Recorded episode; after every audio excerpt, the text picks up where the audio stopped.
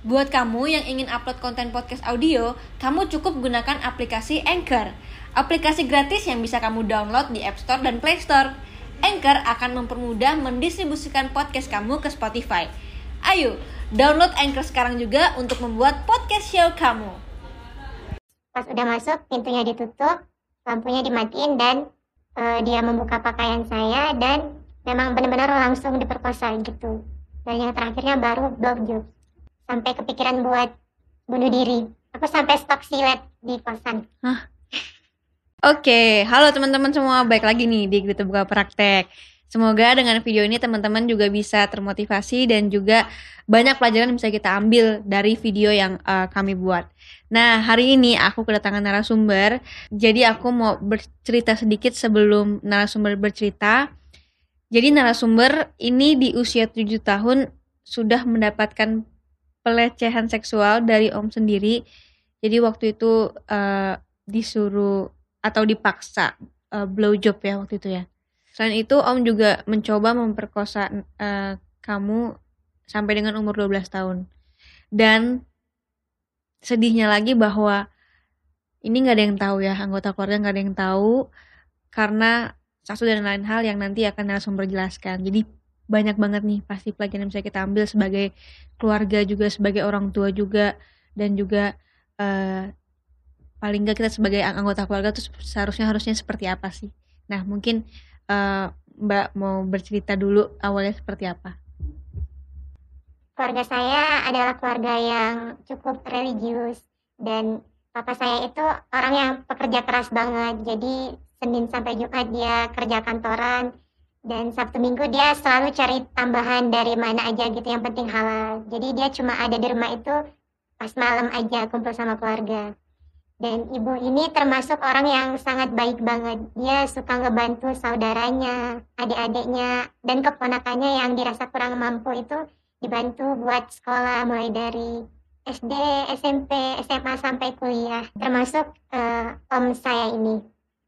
Dan waktu saya masih kecil itu uh, saya termasuk orang yang sangat aktif anak kecil perempuan itu suka bercerita gitu suka ngobrol sama mamanya. Entah kenapa waktu itu mungkin mama lagi capek kali ya ngurusin banyak orang di rumah banyak hal di rumah. Jadi mungkin waktunya nggak tepat aku yang lagi aktif-aktifnya buat ngobrol cerita ngajakin mama ngobrol itu uh, dimarahin gitu. Kata mama uh, jangan suka banyak bicara deh gitu mending diam aja Terus aku jawab, kata ibu guru di sekolah, banyak bertanya itu bagus loh ma gitu. Tandanya rasa ingin tahunya banyak gitu, lebih tinggi. Dan mama bilang, udah gak usah diikutin. Dan akhirnya aku dipukul, aku dicubit. Dan anak kecil kalau yang namanya dipukul, dicubit gitu kan sakit tuh. Nangis otomatis. Semakin aku nangis, semakin dipukulin juga. Dan itu sering sih terjadi. Aku nggak kapok, soalnya aku memang anak yang aktif hingga akhirnya aku bener-bener kayak aku takut deh mau cerita lagi serap ke mama gitu takut dimarahin takut dicubit gitu. Dan dari situ aku kebentuk jadi anak yang bener-bener pendiam kalem jadi disuruh apa aja aku nurut. Pokoknya kalau A ya A kalau B ya B gitu. Jadi kamu nggak ada kebebasan ya? Mm-mm. waktu itu juga tadi kita sempat ngobrol bahwa ternyata di dalam rumah itu banyak sekali ya anaknya. Terus juga kemudian uh, yang dari luar yang disekolahin sama orang tua kamu juga kan? Oke. Okay. nah uh, akhirnya itulah kan awalnya mungkin kita dari kecil ada yang kayak kamu mungkin ceria terus kemudian dibentuk sama orang tuanya jadi pendiam dan takut untuk mengeluarkan suara gitu kan? Iya benar. Setelah itu? Uh, jadi waktu itu di rumah pas nggak ada orang jadi saudara-saudara aku pada sekolah, di rumah itu cuma ada mama, aku sama om. Papa juga lagi kerja. Dan itu siang hari. Dan mama seperti biasa, dia benar-benar gak ada yang bantuin di rumah. Jadi dia sibuk ngurusin dapur, masak, beres-beres rumah itu benar-benar mama aja. Jadi benar-benar sibuk. Dan aku juga sibuk nih, aku sibuk main di luar rumah gitu. Namanya juga anak kecil kan. Nah om aku ini tiba-tiba manggil, eh, sini dulu gitu bantuin om. Aku ya dengan polosnya, uh, ada kata-kata bantuin om gitu kan jadi aku nurut. Ya udah deh aku bantuin apa gitu. Aku diajak ke kamar dia. Posisi kamarnya itu di sebelah kamar aku yang sekarang. Terus pas udah masuk pintunya ditutup lampunya dimatiin dan ya dia uh, membuka maaf celana saya dan terjadilah hal yang nggak diinginkan itu. Jadi benar-benar langsung uh, masuk kamar hmm. uh, dia membuka pakaian saya dan memang benar-benar langsung diperkosa gitu. Dan yang terakhirnya baru blowjob oh. dan kemudian kejadian itu berulang-ulang seperti itu terus? Ya seingat saya itu lebih dari dua kali sih. Dan kejadiannya hampir sama juga seperti itu. Langsung memperkosa.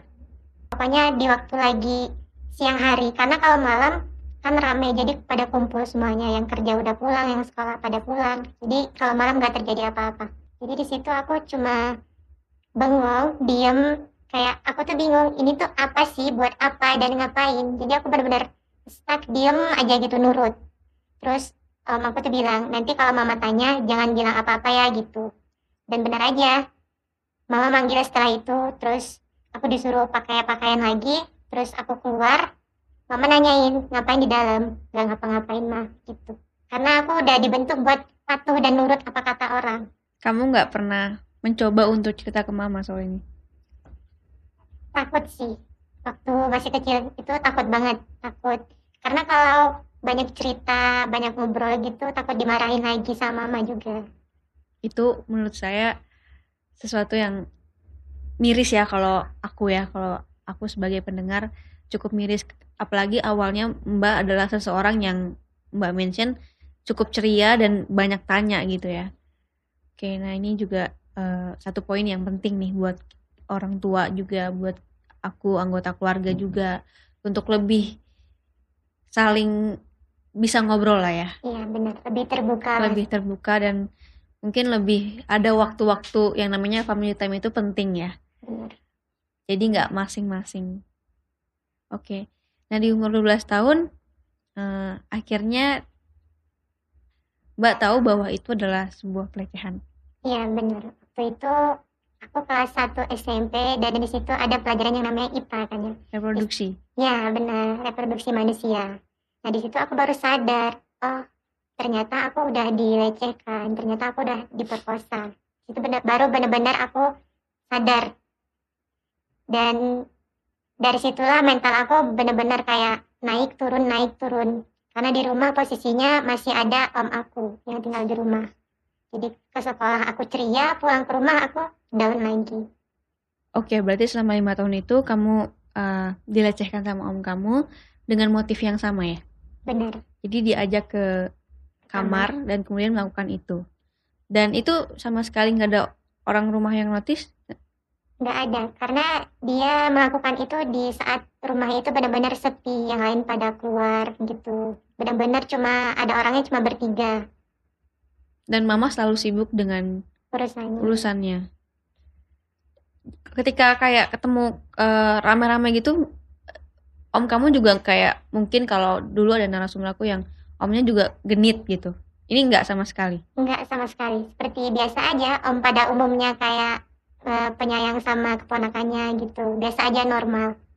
Dan kamu waktu dalam lima tahun itu lihat om kamu masih biasa aja karena kamu belum tahu itu pelecehan. Iya benar jadi kayak ya itu om saya gitu nggak ya. ada rasa uh, marah atau segala macam nggak ada sampai di saat kamu belajar tentang reproduksi itu Benar. Nah, setelah itu kamu masih satu rumah kan sama om kamu? Apa yang terjadi setelah itu?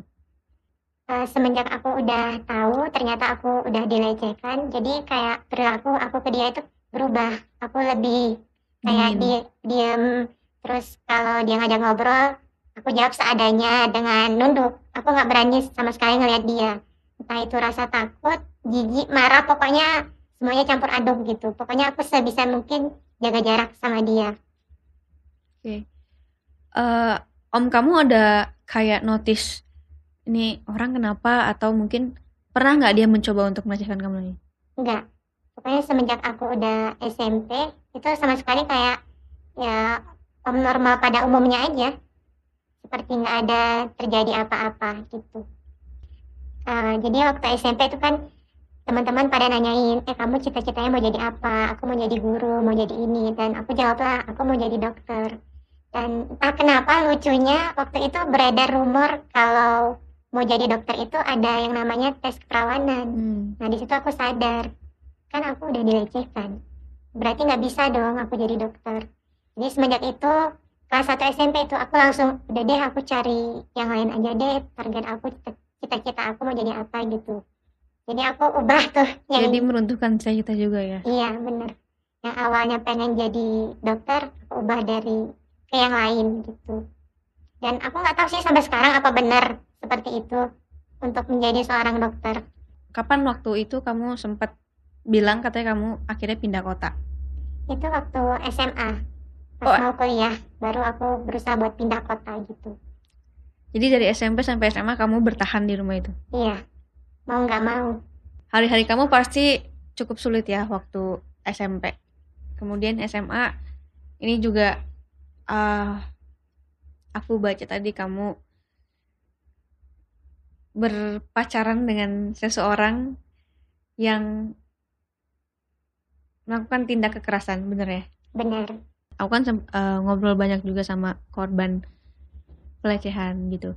Dan rata-rata mereka hmm, apa ya? Mungkin ada sedikit trauma dengan cowok gitu. Waktu itu eh, waktu akhirnya memutuskan untuk pacaran sama mantan kamu, kamu ada nggak sih trauma-trauma tersebut? Sebenarnya sih kalau trauma sama cowok aku enggak biasa aja. Tapi memang karena aku udah dibentuk buat jadi tertutup pendiam, akhirnya nggak banyak temen cowok yang ngedeket gitu. Aku Hmm. benar-benar tertutup, nggak banyak nerima cowok gitu. Dan si cowok ini eh, berani untuk kenalan. Iya. Jadi waktu SMA aku itu mulai dikenalin cowok sama teman yang awalnya cuma ngeceng-cengin doang, ngecomblangin. Ya namanya dicecein kan otomatis Iya. lama-lama ya udah jadi suka gitu. Udah deh kita pacaran. Waktu itu masih baik-baik aja tuh. Satu tahun berjalan masih baik, benar-benar baik banget, nggak ada terlihat sedikit pun buruknya dia. Nah, namanya juga anak SMA, cinta monyet gitu. Aku ngerasa, eh kayaknya udah nggak cocok deh gitu. Hmm. jadi udah deh udah nggak bisa lagi. Ya udah aku minta putus. Dan si cowok ini entah kenapa kayak nggak mau putus dari aku. Dan aku kalau udah bilang A ya A gitu. Aku konsisten orangnya. Jadi aku putus aja sepihak. Nah setelah putus itu dia mulai mencoba buat mendekatin aku ngajakin balikan gitu dengan baik-baik aja waktu ini masih secara baik-baik Selama satu tahun tapi dia baik-baik aja. baik-baik Apa yang bikin kamu pengen putus? nggak tahu ya namanya anak ini SMA masih cinta monyet jadi kayak nggak ada jawaban buat apa sih ini Hilang aja gitu ya ya? kayak udah Oke, udah nggak oke. sejalan nih gitu Oke, terus setelah itu? Nah setelah udah dia sering minta balikan masih baik-baik aja tuh cara dia minta balikan. Aku ya namanya juga udah nggak sejalan nggak bisa dong dipaksa gitu. Mm-mm. udah tuh ternyata mungkin dia ini kali ya kesel karena nggak aku gubris. Akhirnya dia mencoba berbagai macam cara mulai dari ngancem buat bunuh diri mulai ini datengin aku bawa serpihan kaca. Terus dia bilang kalau kamu nggak mau balikan aku ini ini tangan aku pakai serpihan kaca tuh di depan aku aku sebagai orang normal ngeliat dia kayaknya aduh jangan deh kasihan gitu ya udah aku turutin mau dia kita balikan deh gitu Oh, akhirnya kamu sempat balikan juga. Iya, karena aku kasihan, gak tega dong lihat orang ngelukain diri gitu. Heeh. Terus? Jadi setelah sebulan setelah itu, aku ngerasa ini emang udah bener nggak cocok lagi gitu. Hmm. Jadi mau dipaksa kayak gimana, tetap aja nggak bisa.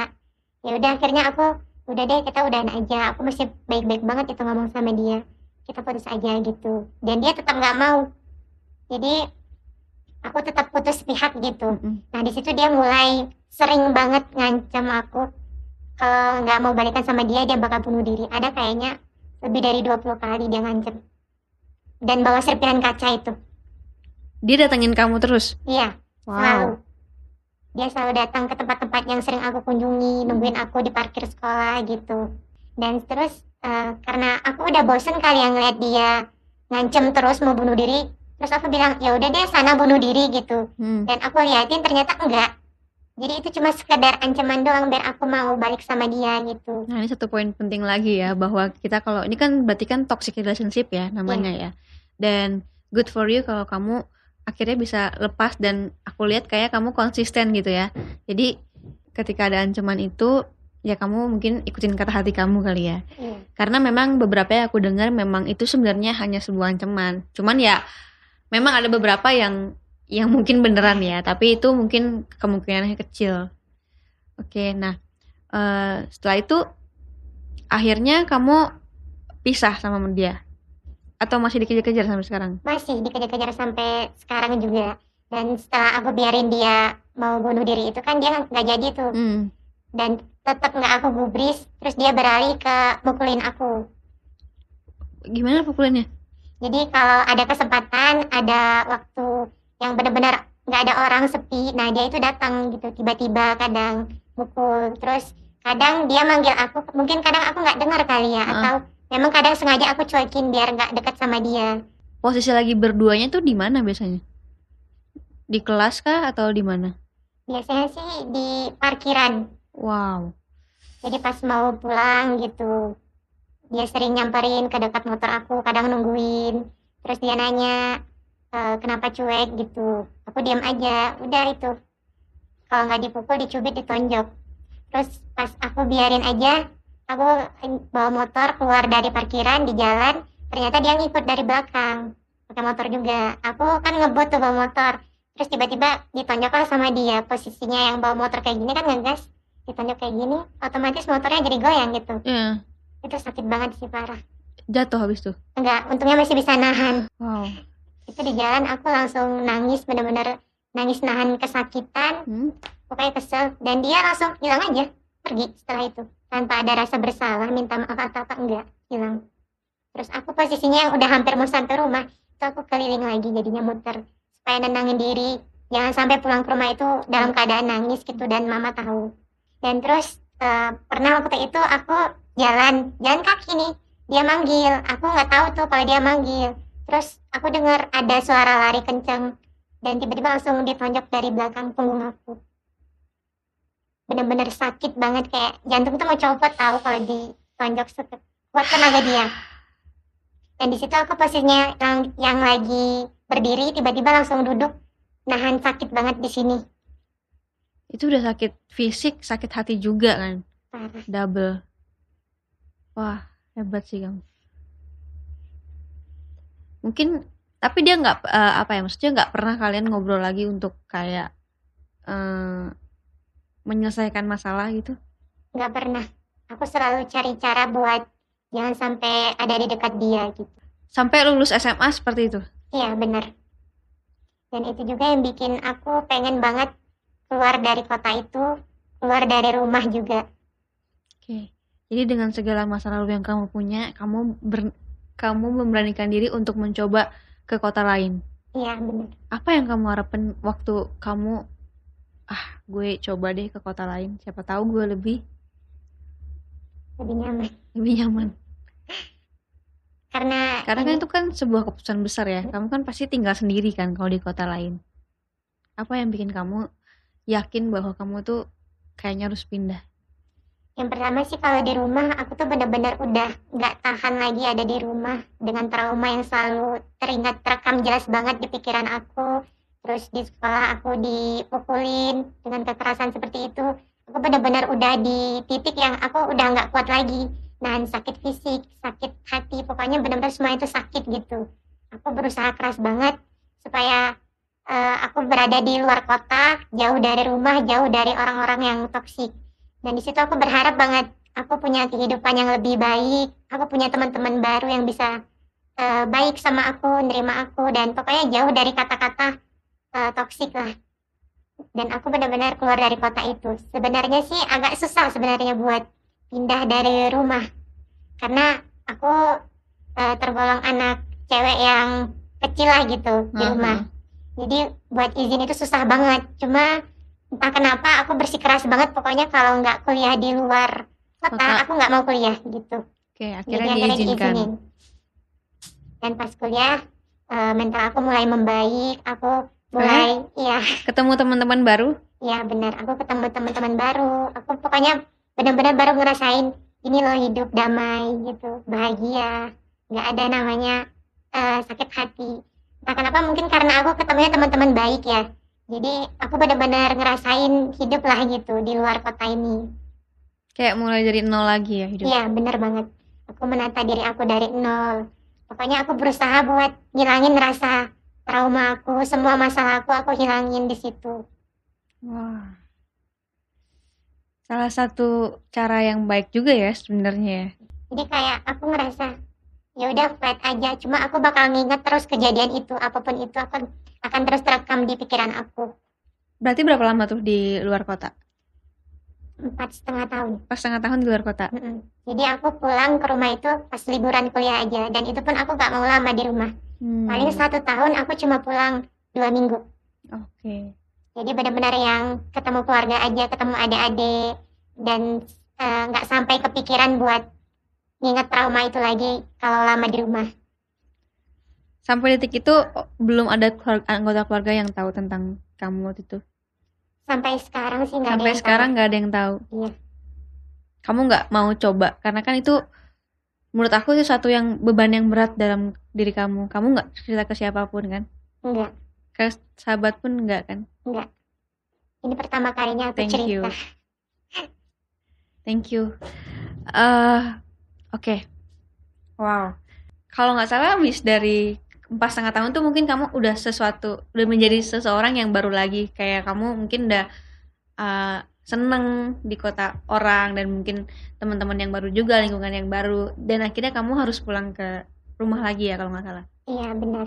Jadi waktu itu aku udah lulus kuliah, aku mau cari kerja, cuma posisinya kan lagi pandemi, cari kerja itu susah banget. Jadi aku mau nggak mau, udah deh pulang dulu aja kata mama, nanti sambil cari kerja di sini. Dan ternyata memang pandemi itu mempengaruhi banget, ekonomi keluarga turun, dan cari kerja benar-benar susah banget. Akhirnya eh, masalah itu muncul lagi di pikiran aku, trauma itu. Hampir satu tahun lebih aku di rumah mengingat kejadian semua itu dan cowok yang toksik itu masih Masih ada. masih ada dan mencari aku sering cari ke rumah gitu jadi double double banget masalahnya. Di situ aku bener-bener kayak Balik lagi ke semula ya. iya jadi empat setengah tahun aku Sia-sia. healing sia-sia banget.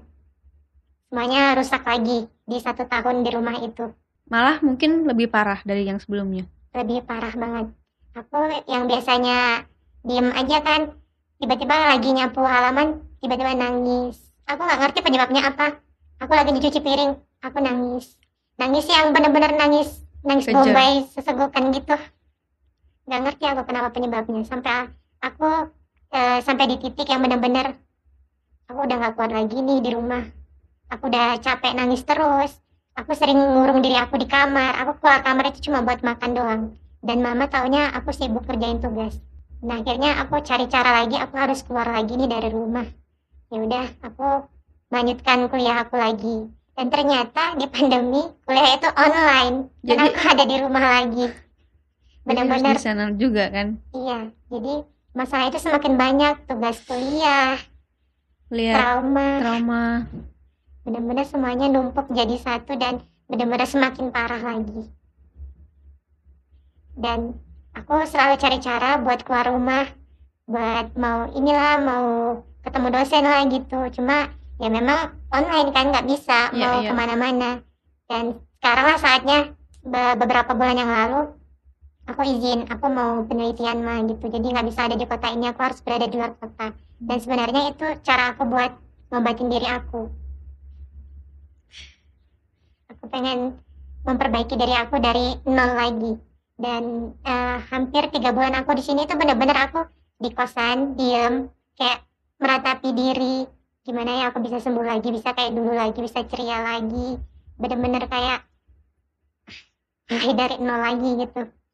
Jadi sampai di titik aku yang tiap hari malam itu nangis bener-bener kayak udah nggak tahan lagi sampai kepikiran buat bunuh diri. Aku sampai stok silet di kosan. Hah?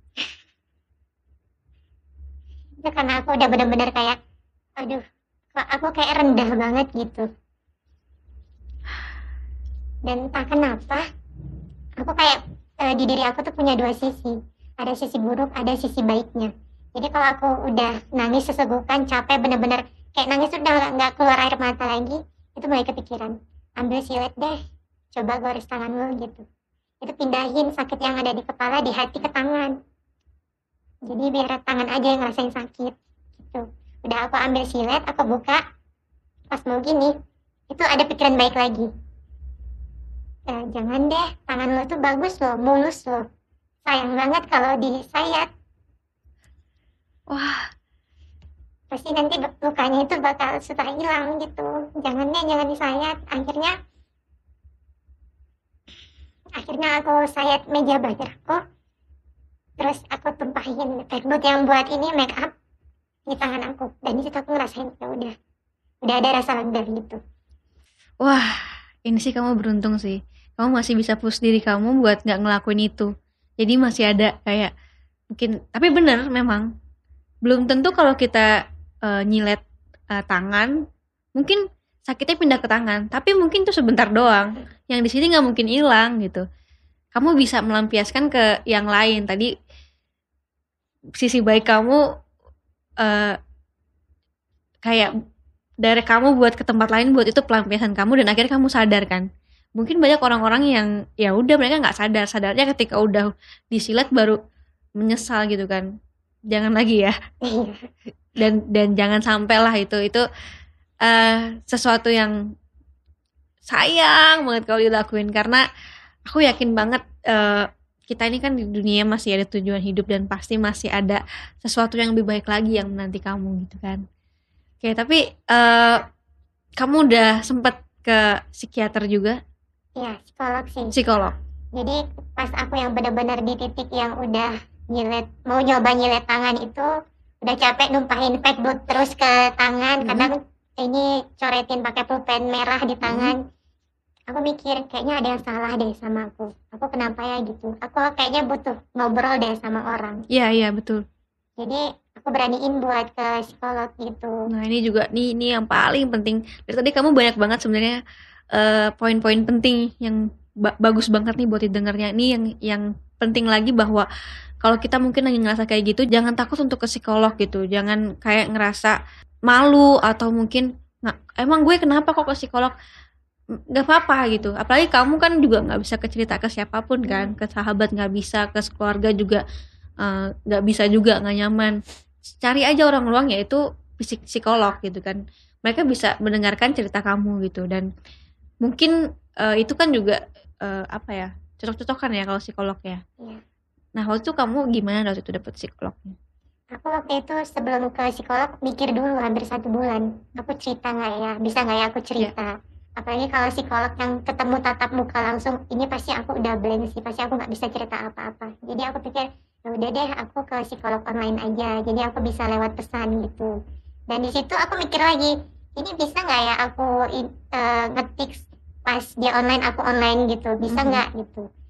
Terus aku siapin deh yang bener-bener eh, apa yang aku alamin mulai dari aku kecil sampai sekarang itu benar-benar aku detailkan dalam satu teks jadi aku ngirim aja gitu ke dia. Jadi aku nggak perlu jelasin pada saat itu aku kenapa apa yang aku rasain. Dia udah tahu dari cerita gambaran aku itu. Dari situ sih. Dan dia benar-benar memberi masukan saran. Kayaknya kamu udah harus terapi deh gitu. Kamu udah termasuk ke golongan yang hampir berat karena udah mau bunuh diri gitu. Terus karena cerita aku yang udah aku siapin tiga hari sebelumnya itu ke psikolog, psikolognya mendiagnosa aku terkena episode depresif. Jadi di waktu-waktu tertentu itu aku bisa tiba-tiba down banget, bisa tiba-tiba ngerasa rendah banget, nggak ada gunanya, nggak bisa ngelakuin aktivitas seperti biasa. Jam tidur itu benar-benar berantakan, gak nafsu makan, pokoknya semuanya itu udah ada di aku gejala itu, gitu. aku yakin kamu pasti bisa dari hati kamu untuk menahan itu semua untuk kamu pasti bisa eh, apa ya paling eh, memperbaiki hati kamu Iya, cara aku biar ini sembuh, aku berusaha buat ikut berbagai macam Yes. organisasi yang ada di kampus, Benar. apa pun itu, pokoknya aku ikut. Jangan sampai aku ada di kosan sendiri deh gitu. Pokoknya aku selalu ada rame-rame sama teman-teman aku gitu. Aku selalu cari lingkungan yang positif positif buat aku.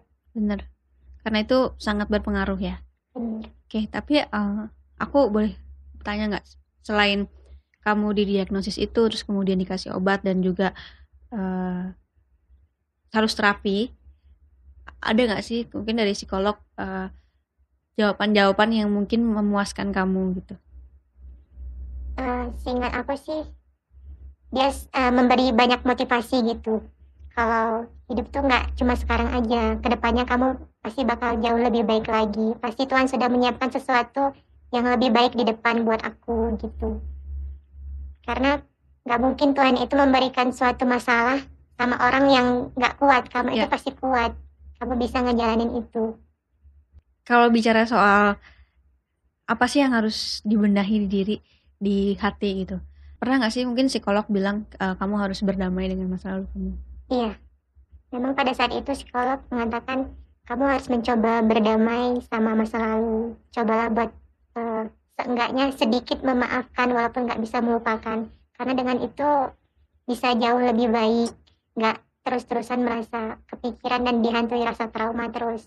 Tapi memang aku aku ya aku belum bisa berdamai dengan masa lalu itu. Sangat berat banget buat coba menerima apa yang sudah terjadi ke aku. Cuma pelan-pelan karena aku sibuk dengan kegiatan di luar akhirnya pikiran-pikiran itu udah ini sih udah agak mulai membaik udah agak hilang gitu. Tapi kan sebenarnya itu lupa aja kalau kamu lupa. lagi sendiri lagi mungkin ke bawah lagi kan? Iya. Nah makanya itu uh, mungkin kamu juga harus belajar harus mencoba lagi dan lagi untuk berdamai dengan masa lalu. Karena yang tadi psikolog bilang juga benar bahwa apa yang kamu uh, dapatkan atau uh, alami di masa lalu itu pasti karena Tuhan pilih kamu karena kamu kuat dan sepanjang aku uh, ngobrol sama kamu aku juga banyak dapat insight yang luar biasa kalau kamu juga uh, kuat gitu. Dan kamu bisa untuk mencoba. Yang paling enggak kan kita harus mencoba ya. Nggak nggak terus terpuruk dalam masalah yang ada. Aku lihat kamu sangat sangat bisa untuk mencoba. Yaitu mungkin keluar dari uh, rumah dan akhirnya bisa dapat hidup yang baru walaupun akhirnya harus balik ke rumah lagi tapi sekarang kamu sedang mencoba untuk untuk hidup yang baru lagi. Oke Mbak, kalau aku boleh tanya nih sekarang uh, apa yang Mbak rasain sekarang dan mungkin ada perbedaan dari dulu sama sekarang? Kalau dulu sih aku lebih tertekan banget kalau mau ngapa-ngapain itu susah banget. Kayak otak aku tuh ngestak di situ. Tapi kalau sekarang aku udah mulai bisa gerak, aku bisa bergaul sama teman-teman yang baru gitu. Aku jauh lebih lebih baik dari sebelumnya. Oke, dan akan terus lebih baik lagi ke depannya. Iya. Oke, dan uh, anyway, thank you banget ya udah udah berani speak up untuk pertama kalinya di sini dan sudah memilih ini untuk speak up. Nah, mungkin uh, ada pesan-pesan yang Mbak pengen sampaikan buat teman-teman di rumah yang nonton. Uh, buat keluarga ataupun siapa pun itu yang punya anak kecil di rumahnya, tolong banget yang namanya sex education itu diajarin sama anak-anaknya apa yang boleh apa yang nggak boleh itu sangat penting banget buat ngelindungin diri dia gitu dan buat uh, yang sudah terjadi atau korban kalian harus tetap semangat ngejalanin hidup percaya deh suatu saat kalian pasti akan bahagia oke okay. okay. Oke okay, uh, eh, dan ini benar juga ya untuk orang tua di luar sana yang uh, punya anak kecil gitu. Itu kita sekarang harus ngajarin sex education sejak dini. Apa sih yang boleh dipegang? Boleh ganti baju di depan siapa? Terus uh, apa yang salah dan apa yang benar gitu. Jadi dan menurut aku itu sangat penting ya. Dan sekarang juga banyak orang-orang yang bilang bahwa ini benar. Ini nggak uh, cuman uh, uh, putri yang harus diajarin tapi juga putranya juga harus diajarin tentang etika tentang uh, tentang apa yang boleh, apa yang enggak, apa yang baik, apa yang buruk gitu kan. Dan sekali lagi please buat orang tua di luar sana uh, yang kita kan nggak pernah tahu ya mau deket atau mungkin ada orang asing yang suka keluar masuk rumah itu juga mungkin harus dibatasin juga ya kalau dari pengalaman mbak ini gitu kan. Itu juga sesuatu yang harus kita bener-bener amati kalau kita kita harus protek lah uh, anak kita gitu. Karena kalau dari sisi kalau dari cerita Mbak ini bahwa apa yang dialami itu adalah bentuk dari mungkin yang awalnya ceria terus kemudian uh, karena ses karena itu karena nggak pernah didengar nggak pernah diapa itu jadi uh, pemalu atau penakut gitu kan. Nah ini juga kita harus uh, dengerin apa mau anaknya ya. Jangan cuman kita terus yang nyuruh nyuruh nyuruh tapi kita juga harus denger as, uh, omongan dari anak gitu. Dan yang paling penting family time ya. Jadi sama-sama saling terbuka itu aja. Kalau misalkan uh, kalian nggak bisa cerita sama siapa pun tadi pilihannya sudah tepat ke psikolog. Terus mungkin kalau uh, malu untuk bertemu langsung sekarang sudah banyak platform yang bisa uh, online tanpa harus tahu identitas kalian. Salah satunya female in action. Uh, jadi nggak perlu takut untuk dilihat uh, identitas kalian karena itu udah pasti privasinya aman banget. Kalian bisa cerita apa pun uh, kalian bisa minta pendapat apa pun dan juga uh, aku yakin banget itu bisa membantu kalian untuk untuk uh, diri kalian sendiri ataupun masalah kalian. Tentang pelecehan tentang uh, kekerasan pokoknya semua yang dialami sama kalian kalian bisa ceritain semuanya di situ. Makasih sekali lagi makasih ya mbak sudah speak up di sini. Semoga dengan video ini banyak banget pelajaran yang bisa diambil buat teman-teman di rumah yang bisa diikutin diambil positifnya dan dibuang negatifnya dan kalau misalkan juga teman-teman mau speak up atau punya cerita yang menarik mau di-sharingkan silahkan kirimkan cerita kalian beserta nama kalian uh, nomor telepon dan juga domisili di mana ke email uh, buka praktek at gritaagatha.com dan sampai ketemu di video berikutnya. Dadah. Nonton sampai habis ya. Makasih ya. Jangan lupa follow Instagram aku di sini dan nonton video lainnya di sini.